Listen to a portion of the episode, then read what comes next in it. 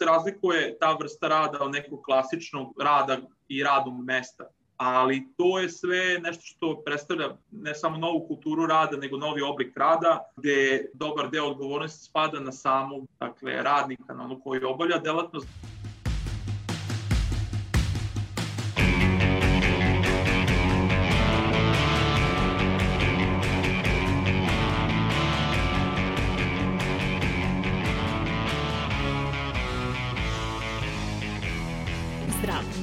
Slušate podcast Reaguj, nezavisnog društva novinara Vojvodine.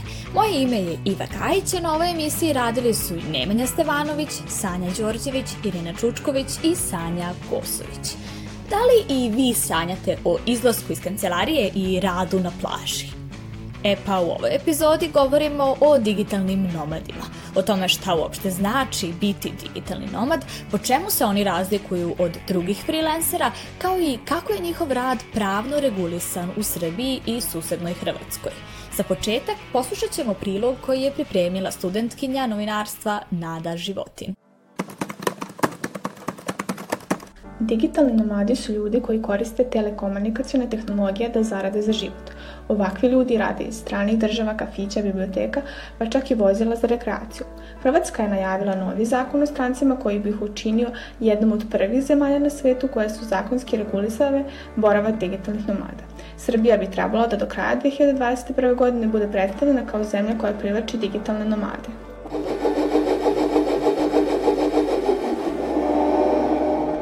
Pitali smo građane da li su čuli za digitalne nomade i šta oni misle da je njihov posao. Nisam čuo i ne mogu da komentarišem. Čula sam za digitalne nomade a, i mislim da je njihov posao jako lak jer se rade od kuće i se rade preko interneta. Čuo sam i poznajem zapravo neke ljude koji se bave e, takvim poslovima i mislim da su oni na kraju dana u stvari e, dosta srećniji od ljudi koji se bave, eto, ajde da kažem, nekim normalnim poslovima. Naš sagovornik Vlada Nikolić iz Beograda pokušao je da nam predstavi i bliže odredi funkciju digitalnog nomada u Srbiji. Radim za kanadsku kompaniju po imenu Bird's Eye Solution i bavim se tim poslom godinu dana. Moj posao najpre predstavlja rad za kompjuterom i priču sa vozačima kamiona na svakodnevnom nivou, počevši od upisivanja njihovih osnovnih informacija kao što su ime i prezime, do brojeva njihovih vozačkih dozvola, kamiona, prikolica, tablica, brojeva njihovih silova i tako dalje. Posao zna ponekad da bude naporan i zahtevan jer na dnevnom nivou procesuiram i do 500 različitih vozača, a za svo to vreme moram da sedim u stolici 8 sati bez dozvole da proveravam svoj telefon ili radim bilo šta drugo na kompjuteru osim svog posla. Rekao bih da se isplati baviti se ovako nekim poslom, jer moja plata sa dva slobodna dana svake nedelje iznosi 65.000 dinara sa mogućstvom ostvarivanja raznih bonusa svakog meseca, ali još jedna veoma bitna stvar je što imamo mogućnost da pričamo s vozačima nevezano za posao. U današnjem svetu, svetu interneta i digitalizacije, isplati se biti nomad. Prednosti su mnoge, a pored dobre zarade, posao ume da bude i veoma zanimljiv i raznolik.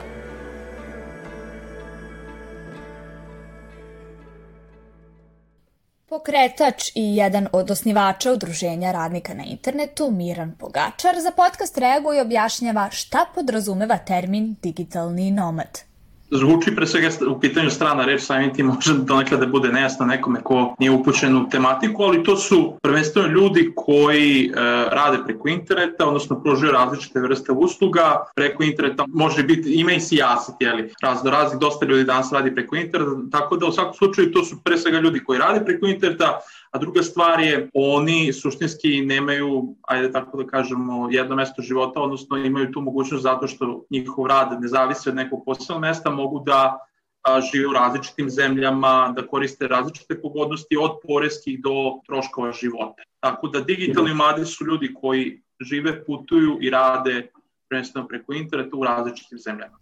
Međutim, s obzirom da je reč o relativno novom obliku obavljanja posla, Pogačar kao najčešći problem navodi neregulisanost poreza. Kako kaže, često se dešava da neko ne zna ni da li, a ni gde treba da plati porez. mogući problemi jesu ti kako ja da regulišem svoje obaveze, jer poreski tretman se određuje na različite načine, dakle u zavisnosti da li je neko rezident neke zemlje, na primjer. Ima različitih kriterijuma, rezident se određuje najčešće sa tim gde on živi, gde su njegove životne funkcije. Ukoliko neko živi u nekoj zemlji, onda mora da plaća ne samo poreze, nego najčešće i doprinose. E sad, kažem, sve zavisi koliki period provodi u zemlji, da li živi šest meseci godinu dana. Zaista postoji sijaset pitanja koje nisu jasne u svakoj zemlji, niti naročito kad imamo dve zemlje koje nisu jasno regulisane status, neko ne zna da li uopšte treba i gde treba da plati porez i doprinos. Tako da to može biti jedan od problema koji je ovaj, najčešće. Pitali smo mlade iz Novog Sada šta misle o digitalnim nomadima. Da li na to gledaju kao na pravi posao ili ne, ali pre svega koliko su uopšte upoznati sa pojmom digitalni nomad. Prvi put sam čuo za digitalne nomade od predsedice vlade Srbije Ade Brnabić kada je na jednoj konferenciji spominjala da, da želi da naša zemlja privuče digitalne nomade da žive ovde. E sada gledajući šta se umeđu vremenu izdešavalo sa našim ljudima koji su bili vezani za tu freelance i IT industriju, onda mi to tek mi sad ništa nije jasno šta je ona htela time da kaže ili time da postigne. Čuo sam za taj izraz, ali stvarno nisam nikad istražio šta je, tako da nisam pretarano upućen. Koliko se sećam da mi je neko rekao da je nešto povezano sa freelancom, ali nažalost uh, nisam toliko upućen u tu temu. Ipak, veliki deo anketiranih jeste upoznat s ovim pojmom. Do duše, ne previše detaljno. Možda baš zbog toga neki mladi na posao digitalnih nomada gledaju kao na posao iz snova. Pa, posao ne veže za jedno mesto i u mogućnosti su da putuju. Mislim da je to jako dobro, da je to neki dream job zato što u isto vreme i zarađuješ i putuješ vrhunski posao. Znači da imaš toliko dobru šljaku, možeš da radiš bilo gde, u pećini, u Surdulici ili na Havajima, imaš svoj laptop, uh, uspeš da se koncentriš, da radi svoj do, posao dovoljno dobro, da je šef zadovoljan, klijent zadovoljan. Uh, to je ono radno mesto koje, kojem svi mi treba težimo. Uh, mislim da je digitalni nomad uh, biti lepo, ali je vrlo stresno i psihički uh, vrlo teško, ali da jeste zabavno. Pa mislim da je pravi posao jer mislim digitalni nomad u samom ovaj nazivu te neke kovanice stoji da je tu više promena mesta nego što je u pitanju promena sad reći kvaliteta rada ili opisa posla. Jer u neku ruku može se reći da smo i svi mi tokom ovaj pandemije bili digitalni nomadi jer smo prešli iz kancelarijskog tog prostora u, i preneli smo poslove našim kućama kao sediš u kafiću u, na moru, na plaži, ali ono, kao opušteno je, prijatno je, uživaš, ali zapravo ovaj, šljakaš i šljakaš vjerojatno dok ne završiš posao i vjerojatno prekovremeno i pitanje da li si zapravo na nekom odmoru, ali verujem da je lakše raditi sa pogledom na plažu nego ovaj, u nekoj zagušljivoj kancelariji. Kada smo već čuli šta stanovnici Novog Sada misle o digitalnom nomadstvu i da li uopšte znaju šta je, kao i ko je zapravo digitalni nomad, hajde da se osvrnemo i da vidimo koliko digitalnih nomada ima u Srbiji. U istraživanju Skener digitalnih nomada nevladine organizacije inicijativa Digitalna Srbija, koji su objavili u septembru 2020. godine u okviru UNDP-evog Accelerator Laba kažu da se u Srbiji digitalni nomadi najčešće zadržavaju od mesec do mesec i po dana. Međutim, prema istraživanju, kada se Srbija uporedi sa Češkom, Rumunijom i Hrvatskom, jedina prednost koja je ovde je sklonost ka upuštanju preduzetnički rizik, što je primamljivo digitalnim nomadima – Ipak, Beograd je na visokom sedmom mestu kada je u pitanju destinacija digitalnih nomada u Evropi. Istraživači tumače to zbog mogućnosti zapadnoevropskog načina života koji nije skup. Druželjubivi ljudi, ukusna hrana, dobar noćni provod, mogućnost da se sporazumeju na engleskom jeziku, pristupačne cene, sigurnost i mogućnost da se radi sa velikim brojem startapa iz mnogih coworking prostora su neke od stvari koje digitalni nomadi ističu kao prednost Beograda, navodi se u istraživanju. Prosečan digitalni nomad, kako navodi Digitalna Srbija, je muškarac od 34 godine iz Severne Amerike. Došao je sama radi u IT-u. O Srbiji je čuo iz priča bliskih ljudi, partnera, prijatelja, poslovnih konekcija – Redko radi iz kafića jer mu smeta duvanski dim, pa se u malom broju slučajeva opredeljuje da radi iz coworking prostora, a uglavnom radi iz svog smeštaja. Ostaje u Srbiji, to je Beogradu, oko tri meseca, osim ako ne odluči da se nastani ovde, što je u 90% slučajeva zbog toga što je našao partnera ili partnerku iz Srbije. A na koji način je pravno uređen položaj digitalnih nomada kod nas? Pogačar naglašava da su digitalni nomadi u Srbiji 90 dana oslobođeni od poreza.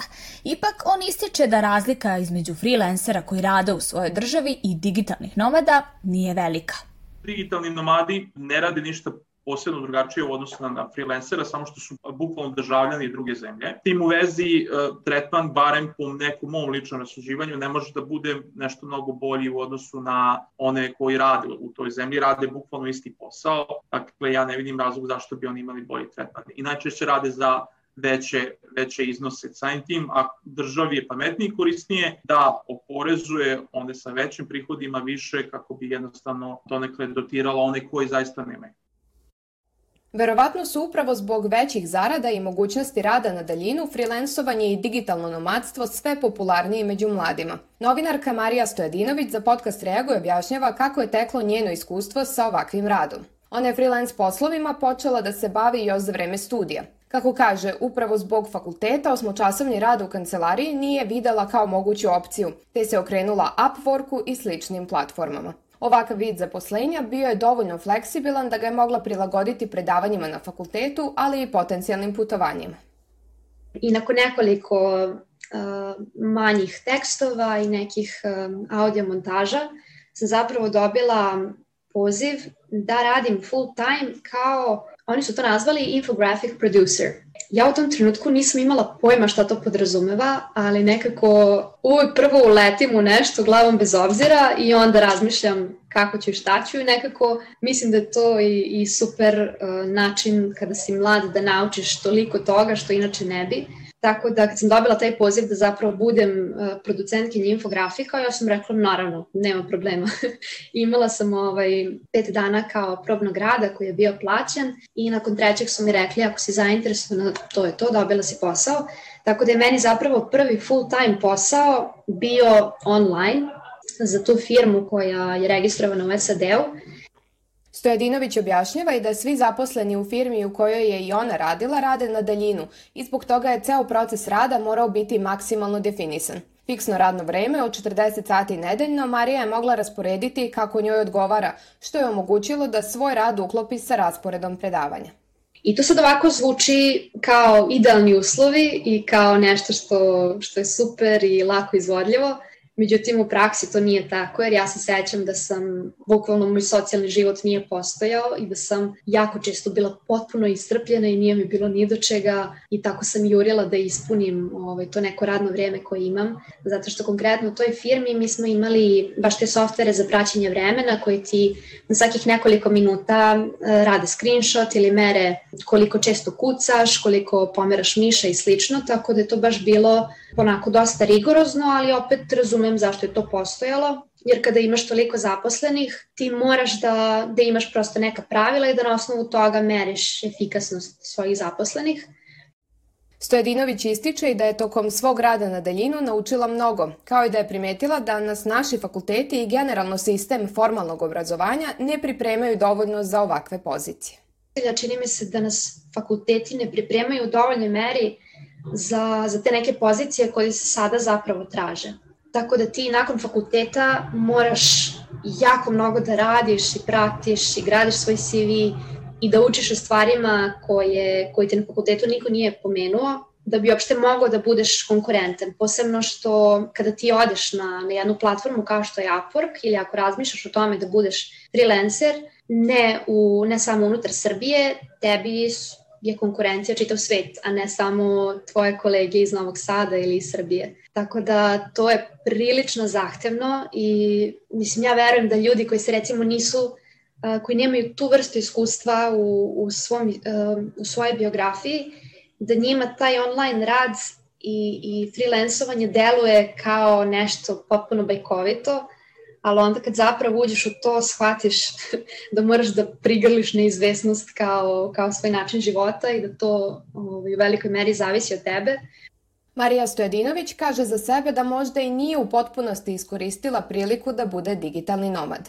To zapravo znači da ti u svakom trenutku možeš da radiš sa bilo kog mesta na planeti, ovaj, a ja sam nekako uvek radila istog grada u kojem sam živela. I sad naravno odeš ti na neki festival pa radiš iz tog grada i slično, ali u mojoj glavi digitalni nomad je neko ko zaista putuje i ko nema neku stalnu adresu prebivališta i ko stvarno može da radi i kome je to održivo. I da, to mislim u velikoj meri zavisi od posla kojim se baviš. Naša sagovornica je godinu dana živela i u Hrvatskoj. Za podcast Reaguje objašnjava na koji način je tamo uređen rad digitalnih nomada. Oni su baš za vreme pandemije uveli tu opciju uh, i zapravo pravno nekako definisali taj status digitalnih uh, nomada Ne znam da li je to bilo uzrokovano pandemijom, ali pretpostavljam da jeste. I uglavnom u tom periodu kada, kada je koronavirus ono, u svetu uzao maha, oni su u zakonu o strancima uveli samo tu jednu rečenicu da vi kao digitalni nomad možete dobiti dozvolu za boravak i rad u trajanju od godinu dana. I onda su naravno svi poludili i svi su želeli da budu digitalni nomadi, međutim nigde nismo mogli da pronađu dovoljno informacija šta to zapravo znači. I koliko se sećam, negde pred kraj 2020. godine su oni to malo detaljnije definisali, verovatno poučeni iskustvom i svim tim upitima koji su dobili umeđu vremenu. Jedan od tih upita je bio i moj, naravno. Ovaj, uglavnom, nije problem um, dobiti sve te neophodne papire koji su vam potrebni da aplicirate za, za digitalnog nomada u Hrvatskoj i verujem da je velika velika prednost i ono što povuče ljude jeste činjenica da vi kao digitalni nomad ne morate da plaćate porez u Hrvatskoj, zato što oni smatraju da ćete vi svoju platu svakako u Hrvatskoj i trošiti.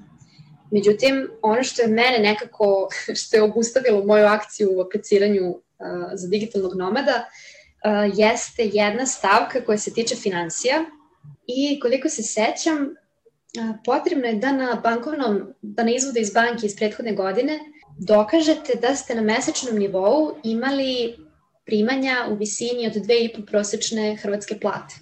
I što ja naravno ovaj, nisam imala. Kada je reč o sve većoj popularnosti digitalnog nomadstva među mladima u Hrvatskoj, razgovarali smo sa Borisom Abramovićem iz Zagreba, studentom na sveučilištu u Zadru. On kaže da bi želeo da pronađe posao koji bi mogao raditi iz bilo kog dela Hrvatske ili Evrope. Kao i Marija Stojadinović, važna mu je fleksibilnost u radu zbog studija koje i dalje pohađa u Zadru, ali i zbog ljubavi prema putovanjima. Svidjela mi se ta ideja zbog toga što se jeli, može se raditi u, u tom gradu u kojem jesam i u gradu u kojem studiram, a i neka ta puno veća fleksibilnost u radu da mogu otići na putovanje i raditi nešto drugo još uz to, da se ne moram se jednostavno biti limitiran za mjesto i s tim se limitirati onda ostale, ostale aspekte života. Ja definitivno vidim to kao vid stalnog zaposlenja i nakon što završim faks, jer danas se već vidi i programerstvo i pisanje i, i tako uređivanje web stranica, sve se može raditi na daljinu, jer nema potrebe da budem tamo i ako mogu iskoristiti tu mogućnost, svakako ću to i napraviti. Sagovornik podcasta Reaguj, Boris Abramović, student je engleskog i italijanskog jezika. Ispričao nam je u kojim sve oblastima u svojoj struci može raditi na daljinu, kao i da li planira dodatno usavršavanja za poslove koje je lakše obavljati online. I prevođenje, nego koje ja isto tako mogu raditi, onda mogu pisati za te zemlje čije jezike učim, isto tako odavde i mogu se te srezati troškove putovanja koje bi inače svakako bili skupi, a mogu onda isti rad i, i s tim internacionalni rad također ne samo unutar zemlje, nego i između različitih zemalja isto mogu odraditi od kuće ili od iz zemlje u kojoj se već trenutno nalaze. U, u vidu tog posla na daljinu i tog digitalnog nomadstva ja sam se prijavio recimo za posao uređivanja društvenih mreža u jednoj marketinškoj agenciji i to je posao koji se u, u potpunosti može raditi s laptopa iz bilo kojeg mjesta koje je pokriveno internetom, jer taj posao u svojoj osnovi i je internetski. Abramović dodaje i da ne smatra da će nešto izgubiti time što će raditi na daljinu, odnosno što neće imati onakve kontakte sa svojim kolegama kakvi se odvijaju prilikom rada u kancelariji. E, ne mislim da će biti teže jer ako je, e, ako je studij može funkcionirati online, ako su ljudi mogli učiti raditi online i raditi tako sad ovih već preko godinu dana onda ne sujem da se to sve se može riješiti Zoom ili Teams meetingsima i jednostavno tim oblikom komunikacije koji je i dalje blizak i dalje lice u lice, ali je samo je lokacijski pomaknut. Ipak Marija Stojadinović više je skeptična po ovom pitanju, jer smatra da postoje segmenti kao što je izgradnja odnosa sa kolegama koje rad na daljinu ne može u potpunosti nadomestiti. Naš, zapitaš se kao da li je taj ljudski moment iščezao i da li je stvarno toliko nebitan i da li u trenutku kada sam ja recimo dala otkaz, ja sam prilično sigurna da su oni za nedelju dana našli novu osobu koja me zamenilo i kao da su ništa nije dogodilo. To je taj neki moment koji mi se ne dopada, ove, što se nekako ne posmatraš kao osoba, kao neko ko ima svoj karakter, svoju ličnost, svoje interesovanja, nego prosto dobiješ zadatak koji uradiš, idemo dalje i tako svaki dan. Upravo na laku zamenljivost radnika i stalnu mogućnost dobijanja otkaza upozorava i Miran Pogačar. Ali, kako kaže, sve je to posledica većeg tereta i odgovornosti koji se sada stavlja na individualnog radnika, a ne na poslodavca. Dosta se razlikuje ta vrsta rada od nekog klasičnog rada i radnog mesta ali to je sve nešto što predstavlja ne samo novu kulturu rada, nego novi oblik rada, gde dobar deo odgovornosti spada na samog dakle, radnika, na ono koji obavlja delatno, znači poslodavac, gazda, platforma, oni najmanje snosne odgovornosti i vi ste ti koji ste odgovorni, koji sve ovaj, preuzimate na obveze kako poreske, tako i bilo koje druge, Tako da to je, to je taj problem, znači uz razliku od te situacije kad imate određeno radno vreme, kad ne može neko da vas eksploatiše, ne znam ja, 12 sati, nego samo 8 ili manje, tu i država prvenstveno koja može da zaštiti, odnosno postoji zakon o radu, koji kakav takav je, iako se ne primenjuje, primenjuje ipak je nešto što stoji ovaj, koliko toliko. Sa druge strane, za freelancera, kažem, možete nas da dobije otkaz, možete, može neko da vas tretira bez problema, možete različite stvari da živite na poslu. Najčešće ste vi tu sami da to rešite, nema ko drugi da vam pomogne. Tako da dosta se razlikuje od običnog posla i samim tim percepcija je donekle drugačija, na primjer, od strane roditelja. Ljude koji su radili, navikli na jedan posao, na određeno radno vreme. To ja moram da kažem, to je neko zlatno vreme gde ste imali koliko toliko sigurnost i finansijsku i prosto povodom posla. Danas možete dobijete otkaz u roku od dana. Čini se da je to brzo menja posla, da je sad lako, da je sve dostupno, ali kažem, čim dođe do nekih nestabilnosti na tržištu rada, ili prosto u ekonomiji, vi ćete da trpite. Dakle, nećete imati posla, cena rada će da pada i to je tolika nesigurnost i svakome ko se usudi da, na primjer, uzme kredit, to je ovaj, svaka čast, mislim, to je zaista jedna ozbiljna odluka. Pogačar ističe i problem nepostojanja međunarodne saradnje o pitanjima koja se tiču digitalnih nomada. Kako on objašnjava, otkaz možete dobiti svakodnevno, a ni jedan sud povodom toga neće preduzeti ništa.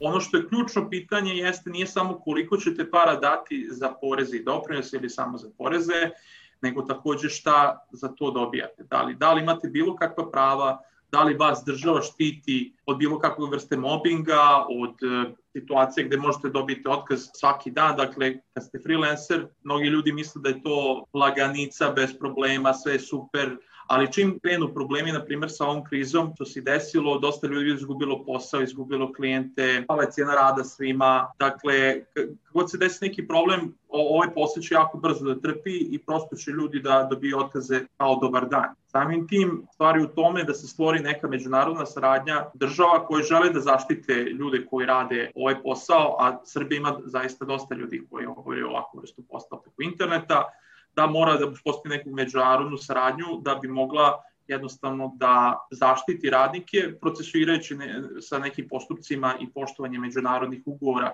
koji sada niko ne može da primeni. Znači, ako vi popišete ugovor sa nekom firmom, to apsolutno ne znači ništa, jer ne postoji sudstvo ili sudstvo u toj zemlji neće uvažiti taj ugovor sa poslodavce koji ste potpisali najčešće a s druge strane postupak će koštati 10 puta više nego što vi zarađujete, tako da to je u suštini veliki problem. Dakle, osim poreza, prava moraju da se regulišu. Ja mislim da nije samo pitanje tog digitalnih namada, nego prosto svih koji rade preko interneta.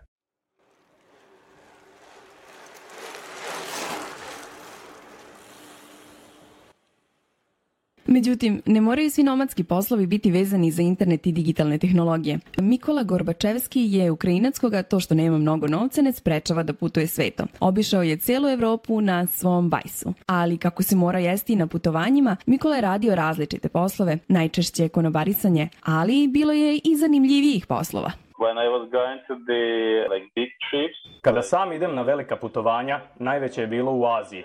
Bio sam tamo godinu dana i tri meseca.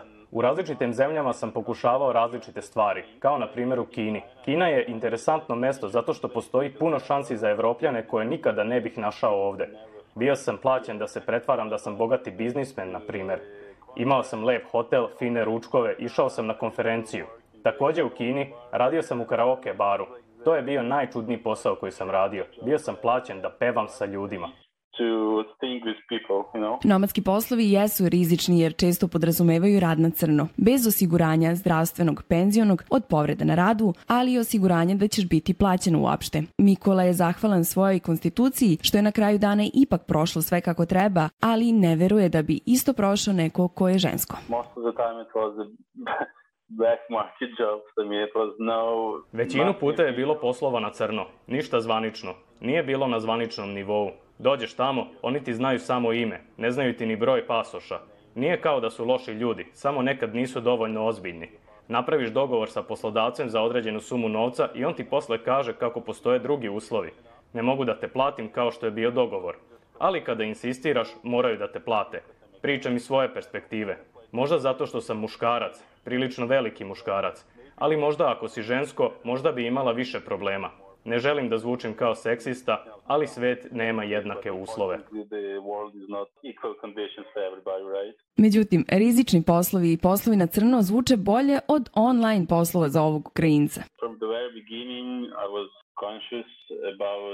Od samog početka vodio sam računa o tome da ne uzimam online poslove. Pre svega, namerno nisam poneo svoj laptop. Ovog puta moram da platim sam za sebe, čak i kada sam putovao sa malom količinom novca. Bolje je da imaš putovanje sa malo novca nego da potrošiš svo svoje vreme na računaru i da imaš večeri i vikende samo za sebe. Bolje da iskoristim to vreme, na primer, da volontiram ili da posvetim vreme ljudima. Neki ljudi te pozovu u svoje domove, postanete deo porodice, da iskusite njihovu tradiciju. Mislim da moje iskustvo ne bi bilo tako lepo, puno, bogato, da sam imao svoj računar sa sobom. Ne bih bio tako otvoren za nove stvari, da upoznajem nove ljude, da čujem od njih o njihovim zemljama. Koristio bih tih par sati da odem na pivo. Drugačije je to iskustvo. uh.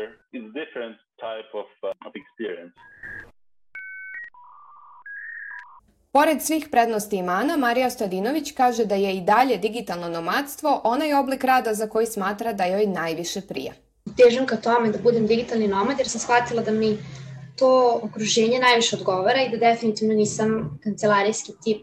I da, definitivno planiram da onog trenutka kad završim svoje master studije da nastavim sa tim načinom života, zato što nije to samo ok, putuješ, imaš mogućnost da radiš odakle god, nego se tiče i toga koliko ti ljudi upoznaš na tom putu, sa koliko ljudi imaš prilike da sarađuješ, pošto recimo ja i trenutno radim za jedan medij iz Hrvatske, imam priliku da upoznam mnogo više ljudi, sagovornika i tema i sebe kroz sve te situacije, nego što bih to imala da radim recimo za neki medij iz Novog Sada, jer si prosto primoran da pratiš ono što se dešava tamo negde i to jeste nešto što meni trenutno najviše prija u, u ovom trenutku i jeste nešto što bih volela da, da radim. I Miran Pogačar podlači da nije sve tako sivo, te da rad preko interneta sa sobom nosi i dobre stvari.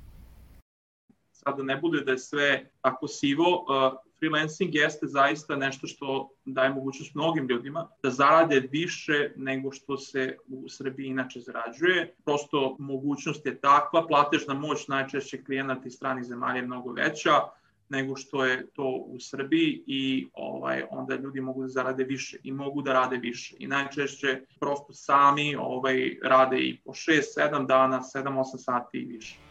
Ovim završavamo 57. epizodu podcasta Reaguju koje smo govorili o digitalnim nomadima. Da li vi mislite da je biti digitalni nomad prednost? Pišite nam svoje mišljenje na društvenim mrežama, Facebooku, Twitteru, Instagramu i TikToku.